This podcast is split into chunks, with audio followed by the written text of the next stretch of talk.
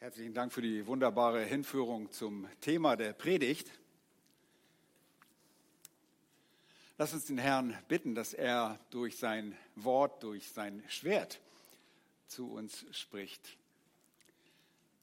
Geliebter Herr, all diese Wahrheiten, die wir schon betend gesungen haben, treffen zu. Und wir wollen dir vertrauen, wie wir auch gesungen haben, denn alle, die dir vertrauen, wirst du nicht verlassen. Herr, selbst wenn wir uns vielleicht verlassen fühlen, du bist immer da. Du bist derjenige, der durch dein Wort spricht. Danke, dass wir dieses Wort in unserer eigenen Sprache vor uns liegen haben, dass wir sie öffnen können, die Schrift, und dass sie so mächtig ist, dass sie uns verändern kann, dass sie uns retten konnte und auch heiligen kann. Wir danken dir für die Zuversichten der Schrift, die Zuversicht, die du uns schenkst. So rede du an diesem Nachmittag durch dein heiliges Wort, um deines Namens willen. Amen. Ja, in unserer Serie über die Waffenrüstung Gottes haben wir uns zuletzt mit dem Helm des Heils beschäftigt.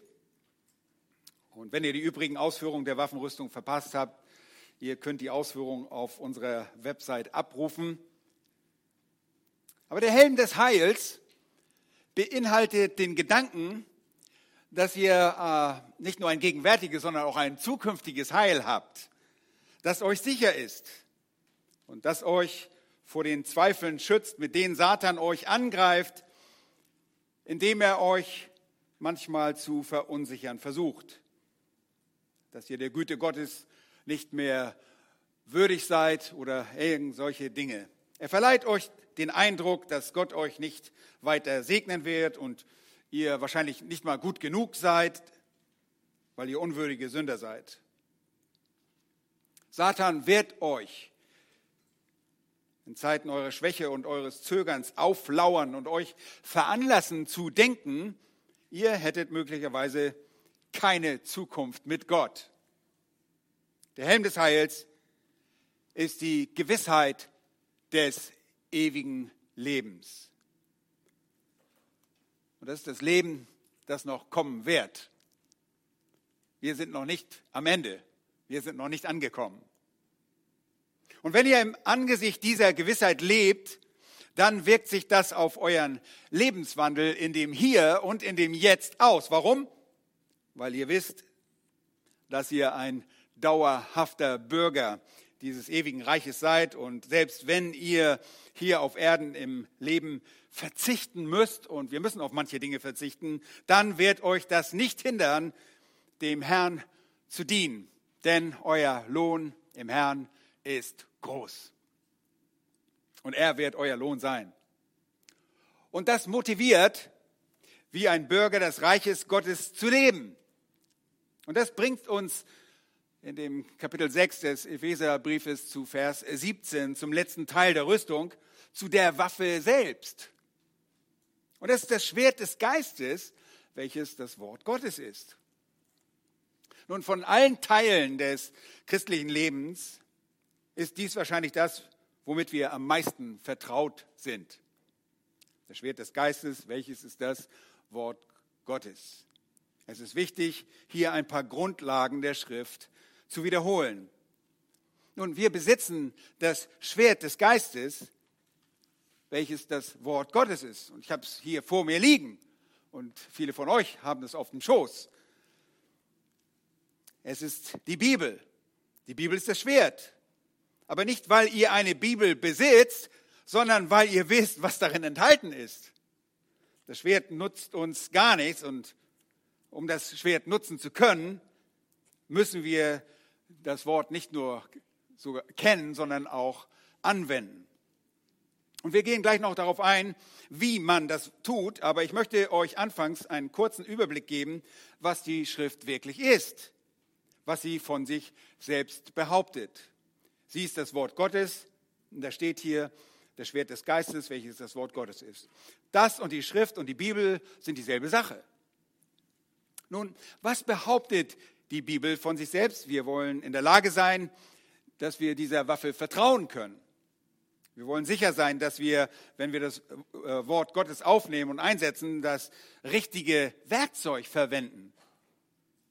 Wenn ihr zum Beispiel äh, der Irrtumslosigkeit der Schrift nicht glaubt, wenn ihr daran zweifelt, wenn ihr die Genauigkeit der Schrift anzweifelt, wenn ihr die Integrität der Schrift anzweifelt oder wenn ihr widerwillig seid, sie einzusetzen, dann werdet ihr oder werdet ihr einfach unsicher werden.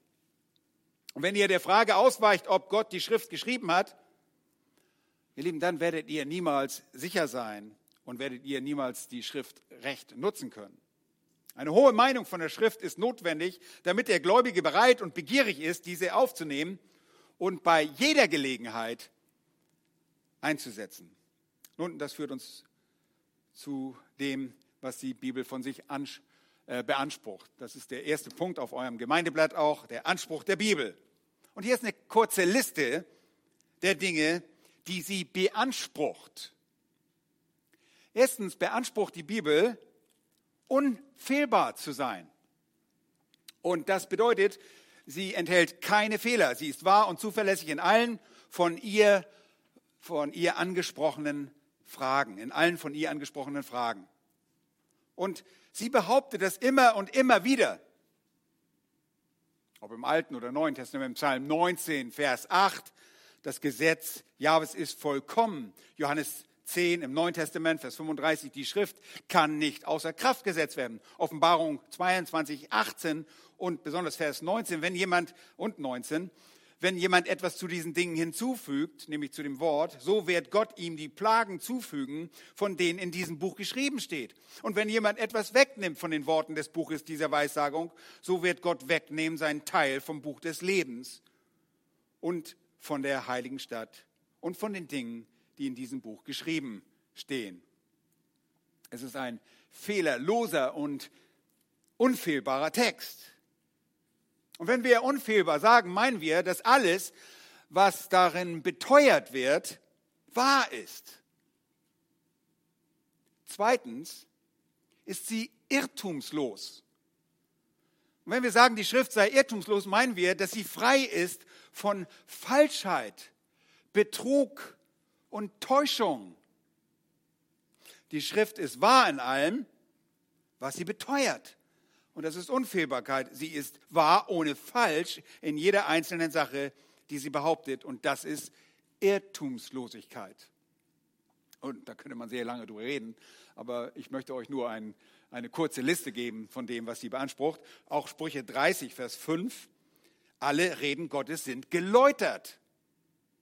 Und in Sprüche 30, Vers 6, ebenso wie in Offenbarung 22, lesen wir, tue nichts zu seinen Worten hinzu, damit er dich nicht bestraft und du als Lügner dastehst.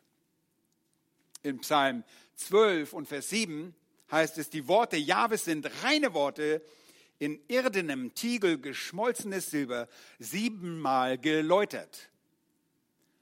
Psalm 119, Vers 140 besagt das Gleiche. Dein Wort ist wohlgeläutert. Die Bibel ist also fehlerlos in allem, was sie beteuert, in allem, was sie lehrt. Sie ist unfehlbar in jedem Wort, jedes Wort ist rein und sie ist irrtumslos. Und die Bibel ist damit auch drittens vollständig, wie wir schon in Offenbarung 22 herauslesen können. Wir brauchen nichts wegnehmen und nichts hinzufügen, weil sie vollständig ist. Und wir können weder etwas hinzufügen und wir können auch nichts wegnehmen, ohne dass es Konsequenzen hat. Und sie ist, wie Judas es ausdrückte in seiner kleinen Epistel, für den Glauben der Heiligen ein für allemal überliefert worden. Das muss nicht wieder ein Update geben nach ein paar Jahren, sondern ein für allemal. Sie ist ein Buch, eine Offenbarung, die ein für allemal überliefert wurde. Es gibt keine weitere göttliche Offenbarung äh, nachdem der Kanon abgeschlossen war, der, der Kanon der Schrift. Ich kann nicht kommen und sagen, der Herr hat mir gesagt, ich soll euch sagen, so und so, ich habe noch eine Privatoffenbarung. Nein, sie ist vollkommen. Die Schrift ist vollkommen. Und da die Schrift in allem, was sie beteuert, fehlerlos und unfehlbar und irrtumslos ist, weil sie in jeder einzelnen Sache, die sie besagt, ohne Fehler ist, und weil sie vollständig ist, weil man ihr nichts mehr hinzufügen, noch etwas davon wegnehmen kann, ist sie deshalb auch viertens das verbindliche, das autoritative Wort Gottes. Verbindlich und autoritativ. Nun, die Schrift ist genau das, was Gott wollte. Und deshalb sagt Jesaja 1, Vers 2, hört ihr Himmel, nimmt zu Ohren, o Erde, denn Jahwe hat gesprochen. Und da die Schrift unfehlbare und irrtumslose und vollständige und verbindlich autoritatives Wort Gottes ist, ist sie fünftens auch hinlänglich oder wir, das, das ältere Wort, das immer benutzt wird, ist allgenugsam. Sie ist allgenugsam, hinlänglich, sie ist vollkommen hinlänglich, hinreichend. Wir brauchen nichts anderes. Wir brauchen keine Ergänzung. Psalm 19 legt das auf verschiedene Weisen dar. Sie ist nicht nur für unsere Errettung, für die Bekehrung der Seele hinlänglich und allgenugsam, sondern sie ist auch hinlänglich, um den Verständigen weise zu machen. Und das bedeutet vollkommen sachkundig in allen Angelegenheiten des heiligen Lebenswandels. In 2. Timotheus 3 erinnern wir uns daran, dass Paulus an Timotheus schrieb, dieser habe die heiligen, heilige Schrift von Kindheit an gekannt welche ihn weise mache, sagt Paulus, zur Errettung durch den Glauben, der in Christus Jesus ist. Und dann schreibt er, alle Schrift ist, und wir brauchen diesen Vers oft, der ist so wichtig, alle Schrift ist von Gott eingegeben und nützlich zur Belehrung, zur Überführung, zur Zurechtweisung, zur Erziehung in der Gerechtigkeit, damit der Mensch Gottes ganz zubereitet sei zu jedem guten Werk völlig ausgerüstet. Und das ist das, was wir meinen. Wenn die Schrift dich völlig, völlig ausrichten kann, dann ist sie hinlänglich, dann ist sie allgenugsam. Die Schrift ist hinlänglich, um alle göttlichen Zwecke in der Seele zu erreichen. Dieses unfehlbare, irrtumslose, vollständige und verbindliche Wort ist hinlänglich, um alle geistlichen Ziele Gottes in seinem Volk zu erreichen. Und dann könnten wir dem noch hinzufügen, sechstens, dass das Wort Gottes effektiv ist. Es ist nicht nur allgenugsam hinlänglich für den Menschen, in dem es wirkt, sondern es ist effektiv durch diesen Menschen, in dem, die, äh, in dem diese Auswirkungen auf andere hat. Da heißt es, genauso soll auch mein Wort sein, das aus meinem Mund hervorgeht. Es wird nicht leer zu mir zurückkehren, sondern es wird ausrichten, was mir gefällt. Wann immer wir das Wort Gottes verkünden, wann immer wir das Wort Gottes lehren, wann immer wir das Wort Gottes weitergeben, proklamieren, ist es effektiv. Und das richtet immer das aus, wozu Gott es bestimmt hat. Das ist Jesaja 55. Und wir könnten all dies auch mit den Worten von Petrus im zweiten Petrus ausdrücken, wo es heißt, keine Weissagung der Schrift ist von eigenmächtiger Deutung. Denn niemals wurde eine Weissagung durch menschlichen Willen hervorgebracht, sondern was? Vom Heiligen Geist. Getrieben haben die heiligen Menschen Gottes geredet. Lieben, es gibt kein anderes existierendes Buch, das diese Ansprüche von sich selbst erheben kann. Unfehlbarkeit, Irrtumslosigkeit, Vollständigkeit, Unverbindlichkeit, das heißt autoritatives, verbindliches Wort, Allgenugsamkeit, Effektivität und göttliche Urheberschaft sind einzig und allein Attribute der Heiligen Schrift. Und das ist es, was die Bibel von sich behauptet. Und als solche ist sie ganz klar eine respekteinflößende Waffe. Und aus diesem Grund benötigen wir auch nur eine Waffe. Wir brauchen kein ganzes Waffenarsenal. Wir brauchen nur diese eine Waffe. Wir brauchen nur das Schwert des Geistes, welches das Wort Gottes ist. Und Autoren des Alten Testaments bezeichnet das, was sie schrieben, ungefähr 3800 Mal als das Wort Gottes. Autoren des Neuen Testaments beziehen sich ungefähr 320 Mal auf das Alte Testament als das Wort Gottes. Und sie bezeichnen circa 1000 Mal, beziehen sich circa 1000 Mal auf das Alte Testament. Autoren des Alten so wie das Neue Testament behaupten auch, dass sie für Gott schreiben, dass obwohl das Alte als auch das Neue Testament Gottes Worte sind. Das behaupten sie und das ist die Wahrheit. Und das alles, diese Punkte, was die Schrift für sich beansprucht, spricht von dem Wesen der Schrift. Jetzt möchte ich auch kurz etwas darüber erzählen, was die Schrift tut. Wir haben das Wesen des Wortes gesehen, aber was ist die Wirkung des Wortes? Zweitens, auf euren Gemeindeblättern auch die Wirkung des Wortes. Die Wirkung des Wortes. Erstens, da sie Quelle der Wahrheit ist, bringt sie Menschen zur Erkenntnis der Wahrheit. Das wirkt sie. Sie selbst bringt Menschen zur Erkenntnis der Wahrheit. Johannes schreibt die Worte Jesu auf, als er zu seinem Vater betet, heilige sie in deiner Wahrheit. Dein Wort ist Wahrheit. Das Wort Gottes ist Wahrheit. Die Schrift ist die Quelle der Wahrheit. Sie bringt Menschen zur Erkenntnis der Wahrheit, das heißt zum Glauben kommen, wie die Dinge auch wirklich sind. Zweitens ist die Schrift die Quelle der Glückseligkeit. Und das ist fast ein Synonym, denn Glückseligkeit heißt Errettung, ist Errettung. Aber Sprüche 8 sagt, Vers 34, glückselig ist der Mensch, der auf mich hört. Und da geht es nicht nur um irgendwelche Glücksgefühle, sondern die Glückseligkeit des Errettetseins. Lukas 11, Vers 28, glückselig sind die, die Gottes Wort hören und es bewahren. Das ist wahre Glückseligkeit. Vielleicht erinnert ihr euch an die zwei Jünger auf dem Weg nach Emmaus, denen das Alte Testament erläutert worden war und sagten, brannte nicht unser Herz in uns, als er, nämlich Jesus mit uns, redete auf dem Weg und als er uns die Schriften öffnete. Das ist die brennende Freude, die Glückseligkeit der Worte Gottes, die derjenige erlebt, der die Schrift versteht.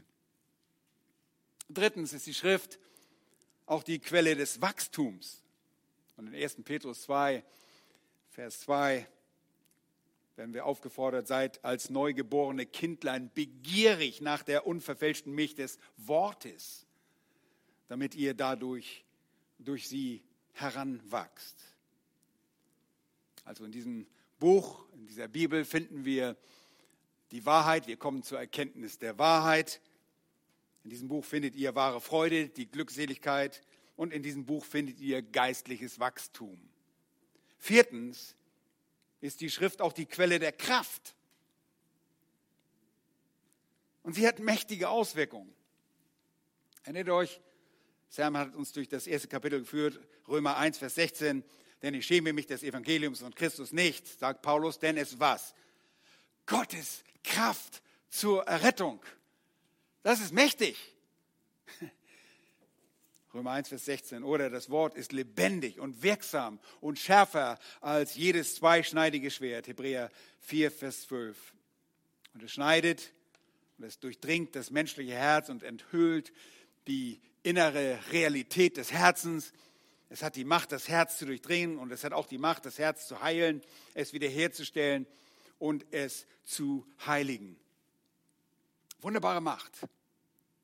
Und dann fünftens, die Schrift zeigt auch eine Quelle der Führung. Das haben wir gerade gesungen. Psalm 119, Vers 105. Dein Wort, ich, ich brauche es jetzt nicht vorsingen, dein Wort ist meines Fußes Leuchte und ein Licht auf meinem Weg, haben wir gesungen. Das ist die Quelle der Führung. Die Schrift ist auch sechstens die Quelle des Trostes. Leute wollen euch trösten, meine Worte reichen nicht aus, um euch zu trösten. Es sind Gottes Worte, die uns trösten. Und das könnt ihr nachlesen. Römer 15, Vers 4 spricht über den Trost der Schrift. Siebtens, die Schrift ist die Quelle des geistlichen Sieges. Und so sehen wir äh, die Schrift im Kontext von Epheser 6. Das Wesen der Schrift was sie von sich behauptet in Bezug auf ihr Wesen und ihre Wirkung, Wahrheit und Segen und Wachstum und Kraft und Führung und Trost und jetzt auch noch Sieg, Triumph. Sie bringt uns den Sieg. Nun, wenn ihr den Gürtel der Wahrheit und den Brustpanzer der Gerechtigkeit angelegt habt und die Stiefel des Evangeliums des Friedens anzieht und den Schild des Glaubens aufnehmt, den Helm des Heils aufsetzt und schließlich dann das Schwert des Geistes ergreift, dann sind wir wofür gerüstet? Für den Sieg. Und diese allgemeine Betrachtung der Schrift ist wichtig, aber wir wollen uns da etwas mehr, etwas spezifischer mit beschäftigen und direkt zu dem Schwert des Geistes gehen. Und das ist der dritte Punkt auf eurem Arbeitsblatt oder Gemeindeblatt. Drittens, den Einsatz des Wortes wollen wir betrachten. Es ist eine Waffe. Und zwar eine Waffe, die sowohl defensiv als auch offensiv verwendbar ist. Und ein Schwert in der Hand wurde gewiss häufiger dazu verwendet, tödliche Schläge abzuwehren, als dass sie dazu benutzt wurde, tödliche Stiche auszuteilen. Für jeden Schlag, den man selbst zufügte und der den Tod oder die Verletzung des eigenen Feindes verursachte, hätte man vielleicht Dutzend andere oder mehr Angriffe auf das eigene Leben abgewehrt. Man benutzte ein Schwert auch zur Abwehr. Das Schwert ist also eine Waffe zum Angriff und zur Verteidigung. Und das Wort für Schwert lautet Makaira. Oh, das hilft euch gar nichts, das, äh, wenn wir das nicht erklären. Es ist ein sehr geläufiges Wort im Griechischen und wird im Neuen Testament mehrfach benutzt. Und wie ich beim letzten Mal schon erwähnt habe, ähm, bezieht es sich auf ein kleines Schwert. Und das heißt, ein Schwert, das 30 Zentimeter oder kürzer, aber maximal 45 Zentimeter Länge aufwies. Und das fiel möglicherweise sogar unter die Kategorie Dolch und unterscheidet sich vom Romphia, dem Langschwert. Wir haben hier ein Kurzschwert und das Langschwert, das wurde mit beiden Händen geschwungen. Das ist die Art von Schwert, das die römischen Soldaten in den Händen hielten, als sie kamen, um Jesus gefangen zu nehmen. Diese Makaira. Es war eine Makaira, die in Matthäus 26, 47 erwähnt wurde. Es war das Schwert, das jeder römische Soldat jederzeit bei sich trug. Und ich habe es auch dabei heute. Ha, ich wollte euch mal so einen Teil zeigen, wie groß es wirklich nur ist ein, gewissermaßen ein Dolch. Ja, nicht groß, ihr stellt euch so ein langes Teil vor. Nein, dies ist der Dolch, mit dem man tödliche Stiche verabreicht.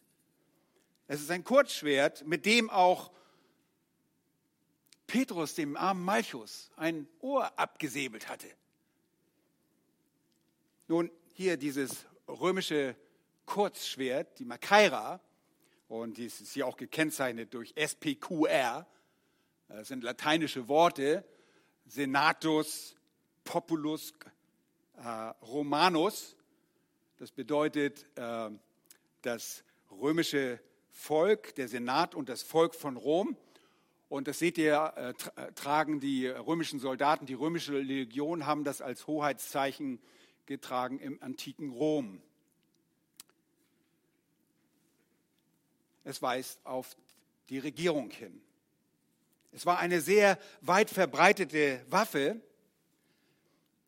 Und laut Apostelgeschichte 12, Vers 2 war es eine Makaira, die Jakobus, den Bruder von Johannes, tötete. Diese Art von Schwert wurde benutzt, um viele Glaubenshelden zu töten. Ihr könnt es nachlesen in Hebräer Kapitel 11 und Vers 37 um die Tötung der Glaubenshelden dort wird es beschrieben, dort wird dieses Schwert eingesetzt. Es ist also eine sehr weit verbreitete Waffe. Das Schwert, das Paulus um Sinn hat, ist also sehr vertraut. Und in diesem Fall ist es jedoch nicht ein physisches Schwert, sondern das Schwert des Geistes. Tu pneumatos. Und das kann man zum einen als Adjektiv sehen oder adjektivisch verwenden, oder man könnte das geistliche Schwert wenn wir es als Adjektiv äh, verwenden. Das ist die eine Möglichkeit. Die andere könnte auch äh, ein Genitiv sein. dem sogenannten Genitiv der Herkunft stehen, ein Schwert, das vom Heiligen Geist gegeben wurde. Okay? Also einmal adjektivisch, ein geistliches Schwert oder das vom Heiligen Geist gegeben wurde. Das ist der Genitiv der Herkunft. Und der Kontext, der Zusammenhang unterstützt wirklich beides. Zum einen ist es eine geistliche Waffe und zum anderen ist sie uns vom Heiligen Geist gegeben worden. Das Wort Gottes ist uns vom Heiligen Geist gegeben worden. Denn wer ist der Verfasser der Schrift? Der Heilige Geist. Wir haben es gelesen. Gott gehaucht.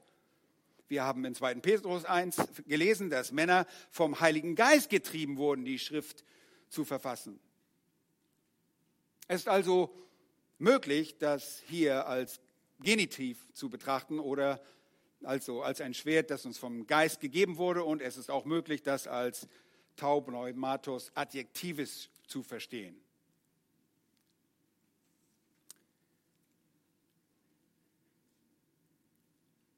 Es ist ein Schwert, das in geistlichen Dimensionen gebraucht bzw. angewendet werden soll. Und beides ist richtig. Es ist ein vom Geist gegebenes geistliches Schwert. So habe ich es beides ausgedrückt. Okay? Und das passt auch sehr gut zu einem Text in 2. Korinther Kapitel 10. Und dort lesen wir in Vers 3, 2. Korinther Kapitel 10, ihr dürft da gerne mal hingehen kommt vor dem Epheserbrief 2. Korinther 10 und Vers 3. Da heißt es, denn obgleich wir im Fleisch wandeln, so kämpfen wir doch nicht nach der Art des Fleisches. 2. Korinther 10, Vers 3. Was Paulus hier meint, wenn wir im Fleisch wandeln, dann spricht er dabei nicht davon, dass wir sündigen, im Fleisch wandeln, ja. Nein, das meint er nicht, sondern einfach, dass wir Menschen sind, dass wir in einem menschlichen Körper leben.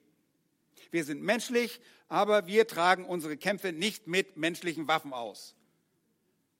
Denn die Waffen, so sagt er, unserer Kriegsführung sind nicht fleischlich.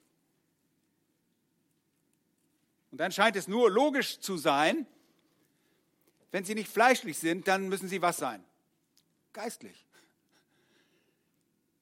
Wenn sie nicht körperlich fleischlich und menschlich sind, müssen sie geistlich sein. Und deshalb ist das genau dieselbe Sache. Es bedeutet Kriegsführung mit einer geistlichen Waffe. Wir kommen nicht irgendwie mit einer riesigen Bibel und so, hey, komm mal her, ich mach dich platt. Ja, ich, wir hauen nicht irgendwie Leuten die Bibel über den Kopf, sondern die wird geistlich gebraucht. Die Inhalte der Schrift überführen von, von Irrtümern. Paulus fährt fort und sagt, denn die Waffen unseres Kampfes sind nicht fleischlich, sondern mächtig durch Gott na klar kann man jemanden mit einer schweren Bibel erschlagen, aber das ist nicht der Sinn. Und deshalb, weil sie mächtig durch Gott sind, neigen wir wieder zu der Interpretation als geistliche Waffe, die vom Heiligen Geist bereitgestellt wird. Und in dieser Darstellung von 2. Korinther ist sie mehr als nur ein Dolch. Merkt ihr das? Sie ist mehr als ein nur kleines Schwert. Sie ist eine Waffe, die mächtig genug ist, um was zu zerstören, wenn ihr in den Text hineinschaut, um Festungen zu zerstören. Und das dort verwendete Wort bedeutet genau das. Eine massive Festung aus Stein. Wir greifen diese Festung nicht mit menschlichen Waffen an, nicht mit Waffen, die Bestandteil des Fleisches sind, sondern deren Quelle und Macht göttlich sind.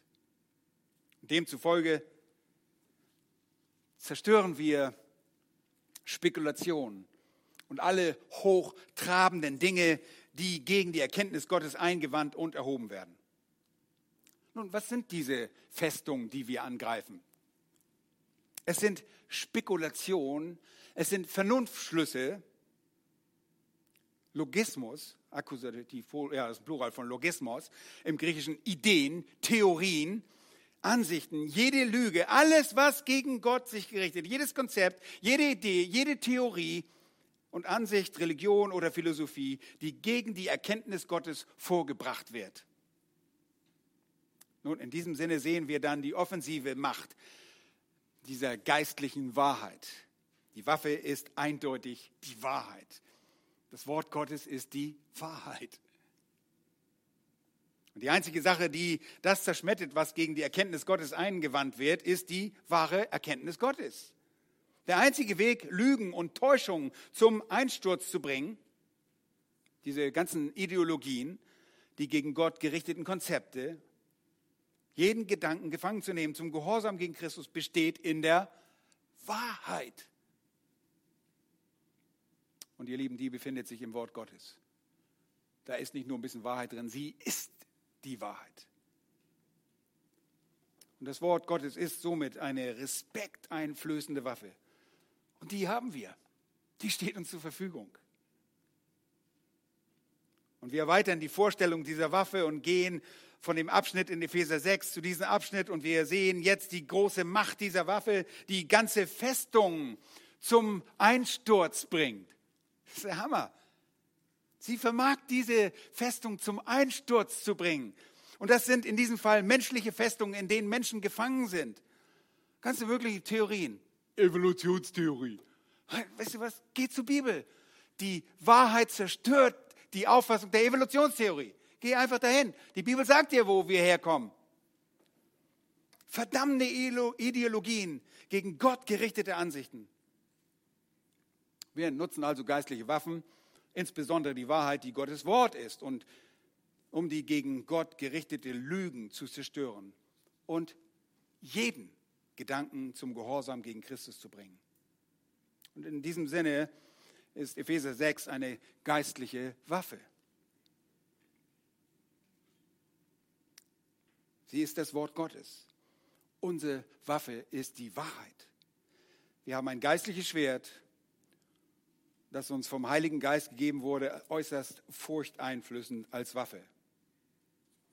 Ihr Lieben, unser Schwert wurde nicht auf dem Amboss geschmiedet, in irdischen Feuern gehärtet, nach der Erhitzung in Öl gebadet, um die Erhärtung zu erwirken. Nein, es ist eine Waffe göttlichen Ursprungs, die uns vom Geist Gottes gegeben wurde und als mächtiges und effektives Werkzeug dient. Sie ist ein Werkzeug, das wir gegen alles einsetzen können, das sich der Wahrheit in den Weg stellt. Fleischliche Waffen, so ein kleiner Dolch, da kann ich einen mit erledigen, aber hiermit kann ich alles bewirken, was gegen mich antritt. Geistlich in meinem geistlichen Kampf. Haben wir das verstanden? Ich glaube ja. Es ist das Wort Gottes, das laut Hebräerbrief schärfer ist als jedes andere, jedes zweischneidige Schwert. Und es ist in sich ein zweischneidiges Schwert. Es schneidet, egal mit welcher Seite es verwendet wird. Es ist wirksam, es ist dynamisch, effektiv, es durchdringt und es urteilt. Hebräer 4,12 sagt, und da wird das Wort Krino für dieses Urteilen verwendet. somit kann sich niemand der Macht dieses Schwertes entziehen. Du liest das Wort und es urteilt über dein Leben und du wirst überführt. Es ist diese offensive Waffe und gleichzeitig ist es auch eine defensive Waffe, die gegen die Hiebe des Satans verwendet wird. Wir kämpfen damit nicht nur, um die Wahrheit gegen die Festung der Täuschung und Lüge voranzutreiben und die Menschen zur Wahrheit zu führen, sondern auch, um uns selbst damit zu verteidigen. Und wir haben das schon exemplarisch in der Versuchung Jesu Christi gesehen, in Matthäus 4, Lukas 4, als Jesus versucht wurde, brauchte er was? Das Wort Gottes.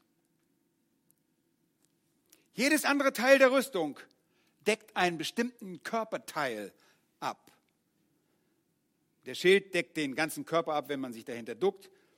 Und das Schwert ist ebenso. Es ist eine sehr effektive Waffe, die uns an jeder Stelle verteidigen kann, an der wir angegriffen werden. Und das zeigt uns, dass unsere Verteidigung darin besteht, die Wahrheit zu kennen und auf uns anzuwenden. Ganz wichtig. Es reicht nicht, wenn du weißt, was da steht, wenn du es nicht auf dich anwenden kannst. Es bringt euch nichts, wenn ihr eine Bibel besitzt und sagt, ja, ich habe die Bibel, die ist bei mir im Schrank. Nein, ihr müsst euch damit befassen. Ihr müsst wissen, was darin steht. Ihr müsst wissen, worüber wir reden. Und wenn dieser Schwert, dieser Dolch nicht ganz auf ganz bestimmte Weise eingesetzt wird, dann ist er nicht effektiv. Wie ich schon sagte, das Schwert ist eine Präzisionswaffe. Ihr könnt nicht einfach eure Bibel aufnehmen und sie in der Luft herumschwingen und meint, dass ihr effektiv seid. oder irgendwelche Schriftstellen aus dem Kontext herausreißen und damit irgendwelchen Fragen beantworten. Damit wird sie nicht effektiv. Sie ist nicht irgendein großes, breites Schwert. Sie muss präzise eingesetzt werden. Und wenn ihr in einem Nahkampf verwickelt seid, könnt ihr auf viele Stellen einstechen und nichts bewirken, bis ihr mit dem Dolch genau den Punkt trefft, der erforderlich ist, damit ihr euch selbst verteidigen oder die tödliche Wunde zufügen könnt. Seht, und da helfen wir euch manchmal, um das genau zu sehen, wie man die Waffe richtig einsetzt in unserem Leben. Die Waffe muss sehr genau, präzise eingesetzt werden. Und wir dringen damit in das Reich der Finsternis ein. Und wir verteidigen uns. Und wenn Satan uns angreift, wenn wir gewisse Bereiche biblischer Wahrheit nicht kennen, sind wir in diesen Bereichen wehrlos. Aber es ist immer wieder erstaunlich, wie viele Menschen, die nach ihren eigenen Aussagen behaupten, schon so lange Christen zu sein, einfache Fragen über gewisse Stellen in der Bibel einfach nicht beantworten können und von denen sie überhaupt keine Kenntnis haben. Und deshalb sind diese Menschen leicht verwundbar und schutzlos in diesem Punkt der Unwissenheit. Ihr Lieben, wenn wir in den Bereich der Finsternis, das Reich des Feindes eindringt, dann sollten wir die Wahrheit von Gottes Wort kennen damit wir uns angemessen vor den Täuschungen des Satans verteidigen können. Und er ist, dieser Feind ist raffiniert, er ist gerissen. Er verfügt über sehr listige Kunstgriffe, das ist das, was Vers 11 auch sagt. Und Satan mag es überhaupt nicht, wenn eine Gemeinde über die Wahrheit aufgeklärt ist. Wisst ihr, wir haben uns ja vor vielen Jahren schon entschieden, wir wollen nicht eine Gemeinde zum, für Entertainment sein. Wir wollen nicht hier Entertainment bieten, sondern wir wollen über Gottes Wort aufklären. Wir wollen das Wort Gottes lernen. Es geht nicht um unsere Meinung, sondern darüber, was Gott sagt. Und das mag Satan nicht. Er liebt Gemeinden, wo es Hokuspokus gibt, ja, wo alle möglichen Entertainment gibt und wo die Leute äh, lachend und äh, feiernd wieder rausgehen, aber nichts lernen. Liebt, er liebt, er liebt sogar Religion. Satan liebt Religion. Umso mehr, desto besser. Aber Satan will nicht, dass ihr alles wisst, was über das Wort Gottes wissen müsst und darüber, was Gott erwartet. Satan will nicht, dass ihr alles versteht, was in der Schrift gelehrt wird, weil er nicht will, dass ihr euch gegen seine Täuschung verteidigen könnt. Aber wenn ihr wisst und angewendet habt, was Gott sagt und lehrt, dann seid ihr wie ein geistlicher junger Mann, der den Bösen überwunden hat, weil ihr stark im Wort seid und den Bösen überwunden hat, so sagt es Johannes. Wenn ihr aber nicht wisst, was die Schrift lehrt, seid ihr sehr leicht verwundbar. Und es ist so traurig, dass es so viele Menschen gibt, die über so viele wichtige Dinge verwehrt sind. Auch gerade in Fragen äh, bezüglich der Heiligkeit Gottes, weil sie die Schrift nicht studiert haben und die, ich meine jetzt nicht in einem akademischen Sinn, einfach darin nicht geforscht haben selbstständig und die Dinge nicht kennen, die absolut notwendig sind. Übrigens, um die Auffassung der Präzision, der Genauigkeit äh, zu unterstützen, mit der wir uns verteidigen müssen, und mit der wir angreifen, möchte ich eure Aufmerksamkeit auf den Begriff lenken, der hier für Wort in Wort Gottes verwendet wird. Und es handelt sich nicht bei dem breiten Wort Logos, es nicht um Logos, Logos ist ein Wort, das uns von allen sehr vertraut ist. Es ist eine Art generischer Begriff, ein Wort, ein vielleicht etwas breiter gefasster Begriff. Aber das hier verwendete Wort ist Rema, das griechische Wort Rema, bedeutet eine spezifische Äußerung, eine spezifische Aussage. Wir können uns nur selbst gegen die Angriffe Satans in bestimmten Bereichen schützen, wenn wir die spezifischen Aussagen der Schrift kennen, die uns in diesem Punkt, in dem spezifischen Punkt, in dem Satan auch angreift, uns schützen. Wir können die Lügen und Täuschungen nur angreifen und wir können auch nur gefangene Seelen in der Evangelisation und auch in der Seelsorge befreien, wenn wir die spezifischen Lehren der Schrift kennen, die für jede Täuschung gelten. Es ist die spezifische Anwendung der richtigen Schriftstelle, der göttliche Grundsatz, der im speziellen Fall gilt. Und ihr Lieben, es ist unsere Aufgabe als Hirtenlehrer, Grundsätze und Prinzipien, und ihr müsst das auch tun, aber wir tun das auch für euch, aus Texten herauszuziehen, gewissermaßen zu extrahieren, aus jedem beliebigen Text die, die Wahrheit, einen biblischen Grundsatz zu finden, der in diesem Text gelehrt wird. Und diesen Grundsatz muss ich dann in der ganzen Schrift verfolgen und ihn untermauern. Und das habe ich vorhin getan, indem ich euch über die Autorität und die Irrtumslosigkeit der Schrift erzählt habe damit ihr diesen Grundsatz im Kopf habt. Okay? Das ist ein Teil eures Waffendepots. Und wenn es Bereiche gibt, in denen ihr euch nicht auskennt, glaubt mir, dann wird Satan genau diese Bereiche auswählen, um euch dort in diesen Bereichen anzugreifen.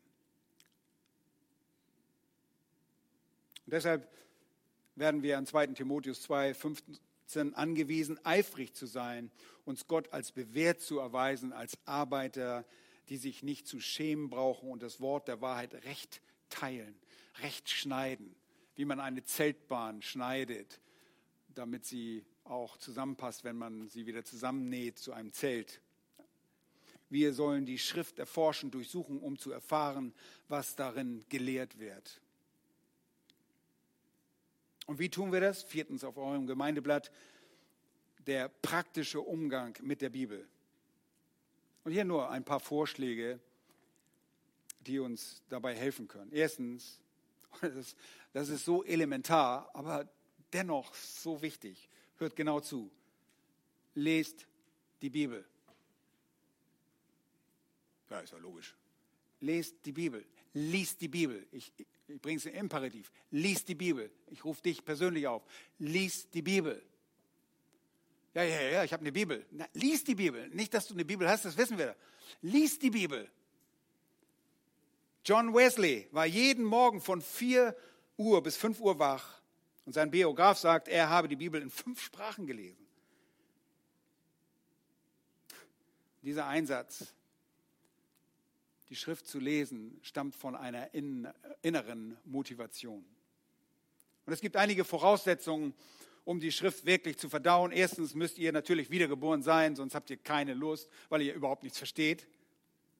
Denn der natürliche Mensch versteht die Dinge Gottes nicht. Zweitens müsst ihr einen Hunger, ein Verlangen verspüren, wie ein Baby äh, sich nach Milch der mütterlichen Brust ausstreckt und begehrt. Dieses Verlangen müssen wir haben. Und das ist das Normale für ein Kind Gottes, dass wir Verlangen haben nach dem Wort Gottes. Es erfordert Sorgfalt, wie bei den Berühren in der Apostelgeschichte Kapitel 17, die Schrift zu studieren und zu forschen, ob sich die Dinge so verhalten und wie sie sich verhalten und das erfordert Reinheit des Charakters und Heiligkeit in eurem Leben. Jakobus 1, 21 sagt, darum legt ab allen Schmutz und allen Rest von Bosheit und nehmt mit Sanftmut das euch eingepflanzte Wort auf. Wir müssen vom Geist Gottes erfüllt sein. Denn der Einzige, der die Dinge Gottes kennt, ist der Geist Gottes. 1. Korinther 2 könnt ihr nachlesen dort. deshalb brauchen wir Reinheit um also ein Gläubiger zu sein und ein starkes Verlangen zu haben, eifrig zu sein, heilig zu sein, vom Geist erfüllt zu sein, geht ihr zur Schrift und fangt an, indem ihr sie lest. Gut, ne? Das ist nicht schwer zu verstehen. Lesen. Sie wiederholt lest und sie natürlich auch dabei auslest. Es nützt nichts, dass ihr am Ende eines Tages sagt, oh, ich habe meine Bibel gelesen, ich habe meinen Haken dahinter gemacht. Oh, ich war ganz gut, ich habe alles gelesen. Hast du auch was verstanden? Nö. Ich habe aber gelesen. Nützt gar nichts. Wir müssen die Bibel verstehen. Wir wollen die Bibel verstehen. Und so mit dieser Einstellung gehen wir auch an das Wort Gottes heran. Wir lesen schon allein aus Neugier, um zu wissen, was Gott sagt. Wir haben Hunger danach, was Gott sagt. Und das bedeutet, wir müssen sie verstehen und die Schrift auslegen, tief graben und korrekt auslegen. Denn falsche Auslegung führt zu großen Irrtümern. Ist tragisch. Und ein weiterer Teil der Disziplin besteht darin, die Schrift in Beziehung zu setzen. Und was heißt das? Schriftstellen mit anderen Schriftstellen zu vergleichen. Die Bibel ist wie eine Sinfonie. Und der Heilige Geist ist der Dirigent. Ja? Jedes Instrument wird zum Orchester gebracht, damit er seine Noten spielen kann, wie der große Dirigent es wünscht. Und alles zusammen ergibt dann ein vereintes Ganzes.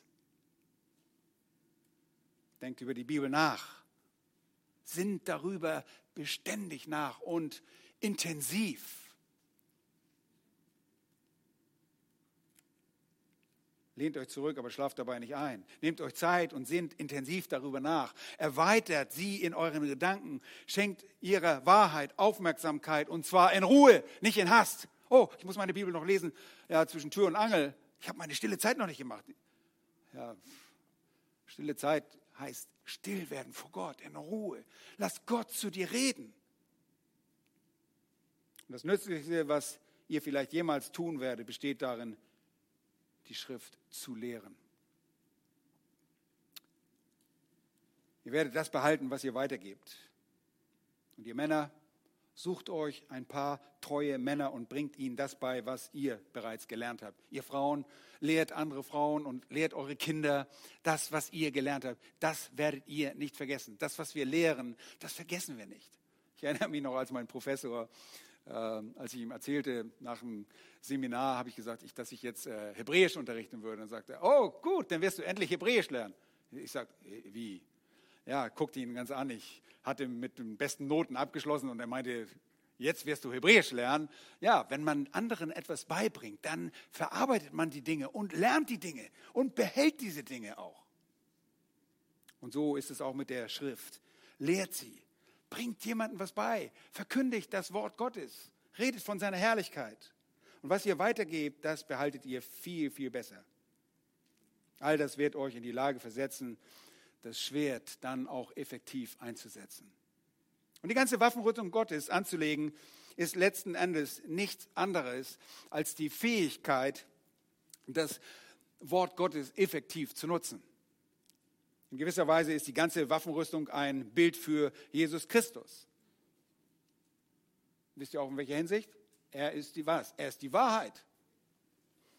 Er sagte, ich bin der Weg, die Wahrheit und das Leben. Er ist unsere Gerechtigkeit, 2. Korinther 5, 21. Er ist unser Frieden, Epheser 2, 14.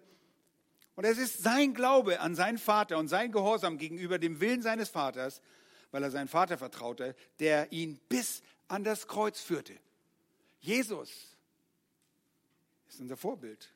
Und so löschte er durch den Schild des Glaubens alle feurigen Pfeile des Bösen, die auf ihn geschossen, geschossen wurden, aus. Er ist der Grund, warum wir die Hoffnung des Heils haben. Christus in uns, die Hoffnung der Herrlichkeit. Er ist unser Heil und er ist das fleischgewordene, lebendige Wort Gottes. Wenn ihr also letztlich Christus annehmt, erhaltet ihr damit die Waffenrüstung. Und Paulus sagt, zieht sie an. Römer 13, 11. Und nur sagt er es auf folgende Weise, zieht den Herrn Jesus Christus an, sagt er. Hä? Ja, genau das sagt er. Zieht den Herrn Jesus Christus an. Legt die Sünde ab, legt die Waffen des Lichts an, indem ihr den Herrn Jesus Christus anlegt. So einfach ist das. Die Christusähnlichkeit wird zu unserem Ziel. Er ist unser Vorbild, er wird zu unserem Modell, dem wir folgen wollen und sollen. Selbst benutzte das Wort Gottes. Nochmals Matthäus 4 und Lukas 4 äh, geben uns das sehr deutlich in der Versuchung Jesu wieder. Betrachtet diese Stellen häufig und denkt darüber nach. Ihr Lieben, ein christliches Leben zu führen, bedeutet einfach so weit wie möglich Christus ähnlich zu werden. Und damals diese, ihr erinnert euch noch an diese Armreifen, wo dann WWJD draufsteht, what would Jesus do? Was würde Jesus tun? Ist richtig. Wir müssen nur wissen, was Jesus tut. Und dafür müssen wir die Schrift kennen. Was würde Jesus tun? Das ist gut. Wir müssen Christus kennen. Und das ist unsere tägliche Aufgabe, ihn zu kennen. Wir sind nie wirklich außerhalb der Reichweite von Satans Kunstgriffen. Und es gibt nie wirklich eine Zeit, wo wir unsere Rüstung ablegen könnten und sagen, oh, ich habe es geschafft, oh, bin durch. Wir lassen sie die ganze Zeit an. Und die Rüstung, die wir momentan nicht tragen, die kann dann sofort zur Verteidigung oder zum Angriff ergriffen werden. Ich habe euch bereits 2. Timotheus 3 äh, vor Augen geführt und ich möchte kurz dorthin zurückkehren, um euch daran zu erinnern, was das Wort Gottes tut. Hier werden fünf Dinge aufgeführt, die das Wort Gottes bewerkstelligt. Und das erste ist die Errettung, Vers 15. 2. Timotheus 3, Vers 15. Weil du von Kindheit an die Heiligen Schriften kennst, welche die Kraft haben, dich weise zu machen zur Errettung durch den Glauben, der in Christus Jesus ist. Und deshalb wird in Philippa laut Philippa 2,16 das Wort des, es das Wort des Lebens genannt, weil sie geistliches Leben gibt. Oder Johannes 5, Vers 24, wer mein Wort hört und dem glaubt, der mich gesandt hat, hat ewiges Leben. Johannes 6, 63 heißt es, die Worte, die ich zu euch rede, sind Geist und sind Leben. Oder Johannes 30, äh, 20, Vers 31, diese sind geschrieben, diese Zeichen sind geschrieben, damit ihr glaubt, dass Jesus der Christus ist und damit ihr durch den Glauben Leben habt in seinem Namen. Oder wir waren gerade in Römer, Römer 10, Vers 17. Demnach kommt der Glaube aus der Verkündigung, die Verkündigung aber durch Gottes Wort. Epheser 5, 26. Gereinigt durch das Wasserbad im Wort. Oder schaut mal, eins meiner Lieblingsverse ist tatsächlich 1. Thessalonicher 2, Vers 13. Da schreibt Paulus den Thessalonichern, sagt er, darum danken wir auch Gott unablässig, Paulus und seine Begleiter, für die Thessalonicher dass ihr, als ihr das von uns verkündigte Wort Gottes empfangen habt, es nicht als Menschenwort aufgenommen habt, sondern als das, was es in Wahrheit ist, als Gottes Wort, das auch wirksam ist in euch, die ihr gläubig seid. Es rettet nicht nur, sondern es heiligt auch. Nun, durch das Wort sind wir wiedergeboren, sagt uns 1. Petrus und durch das Wort der Wahrheit sind wir gezeugt, sagt uns Jakobus. Einfach wunderbare Macht des Wortes. Es ist also das Wort, das die Macht hat zu erretten. Und nachdem wir also gerettet wurden, werden wir belehrt und geheiligt. Denn alle Schrift ist von Gott eingegeben. Äh, 2. Timotheus 3, Vers 16. Und nützlich zur Belehrung. Wisst ihr, Unsere Gottesdienste sind in erster Linie wozu da? Zur Zurüstung der Heiligen für das Werk des Dienstes. Belehrung.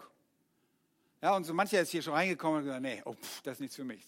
Ich, wieder raus. Ja, ist auch ein gewisser Schutz vor Leuten, die hier nur Entertainment suchen. Leute gehen wieder raus, weil sie nicht belehrt werden wollen. Aber das ist unser Auftrag. Wir sollen Menschen belehren, weil es für uns gut ist. Wir müssen uns verteidigen können.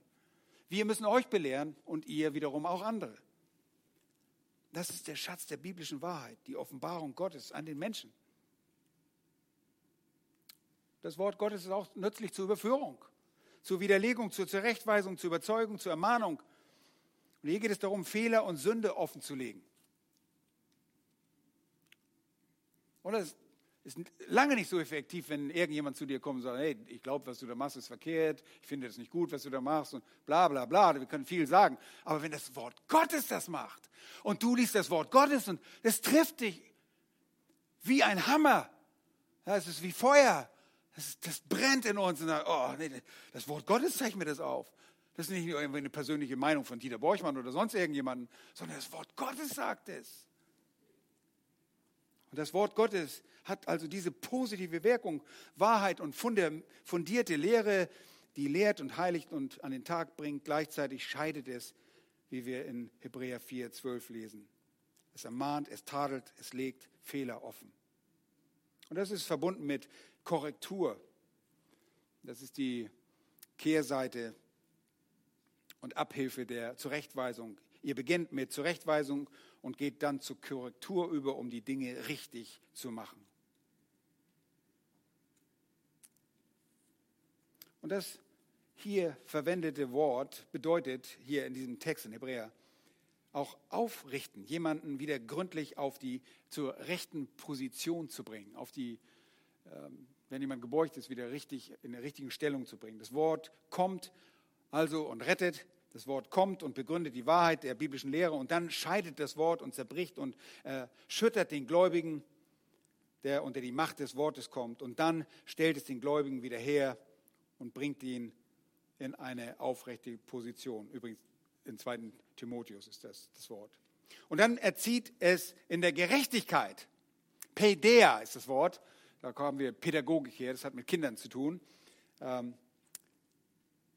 und es hilft, um reif zu werden. Das Wort hilft, damit wir reif werden. Wir wollen reif werden. Wir wollen nicht von jedem Wind der Lehre umhergetrieben werden. Das ist die positive Seite der Korrektur. Lieben, das ist das Macht, die Macht von Gottes Wort. Und es wäre noch viel zu sagen, aber wir sind zeitlich schon vorangeschritten. In unserem eigenen Leben wollen wir dieses Wort wirken lassen. Es ist wunderbar, dieses Wort Gottes zu kennen. Was für ein wunderbares Privileg. Christus ist das Vorbild für uns, wie er mit dem Wort umgegangen und er hat uns eine ganze Waffenrüstung zur Verfügung gestellt. Die Waffenrüstung anzuziehen bedeutet Christus anzuziehen.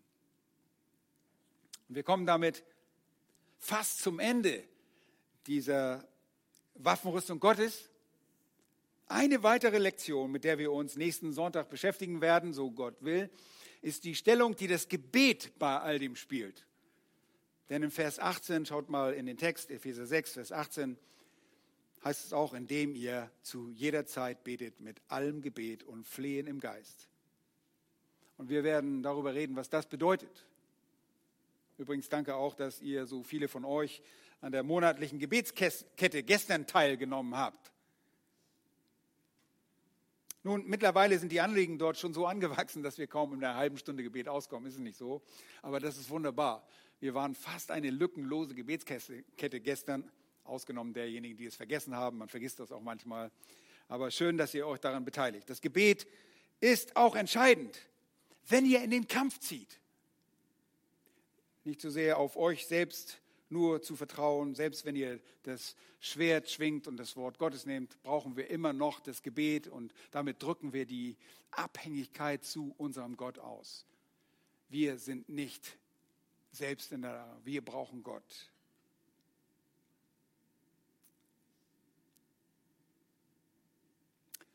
In dem Sinne schließen wir. Lass uns zusammen beten. Herr, wir sind dir dankbar dafür, dass du uns ein Wort gegeben hast dieses wunderbare Schwert, das wir defensiv als auch offensiv benutzen können, wenn wir gelernt haben, damit umzugehen. Herr, Stille, bring du in uns dieses heilige Verlangen nach deinem Wort, das Wort kennenzulernen, aber nicht dabei stehen zu bleiben, sondern dieses dein Wort auch in unserem eigenen Leben anzuwenden. Herr, das ist so oft so tragisch, dass wir Dinge kennen und wissen und dennoch jammern und dennoch nicht zufrieden sind, weil wir nicht in der Lage sind, dein Wort auf uns selbst anzuwenden. Herr, wir uns nicht mal selbst ernähren können von deinem Wort. Bitte hilf uns dabei. Hilf uns im Gehorsam zu wandeln. Gib uns Zuversicht in die Wahrhaftigkeit, die Unfehlbarkeit, die Irrtumslosigkeit und die Autorität deines Wortes, die Effektivität deines Wortes. Herr, dein Wort ist wunderbar, es ist geläutert, es ist hinlänglich und vollkommen ausreichend. Danke für die Allgenugsamkeit der Schrift, dass wir nicht irgendeinen Psychiater oder Psychologen brauchen, sondern dein Wort hat die Antworten in unserem Leben. Danke dafür. Danke, dass du uns Mut machst, uns aufrichtest. Wir geben dir die Ehre und hilf uns in der kommenden Woche und heute schon beginnt, damit anzufangen, die ganze Waffenrüstung anzulegen und die Teile, die wir zu ergreifen haben, dass wir sie ergreifen. Hilf uns dabei, das ganz praktisch umzusetzen, zu deiner Ehre. In Jesu Namen. Amen.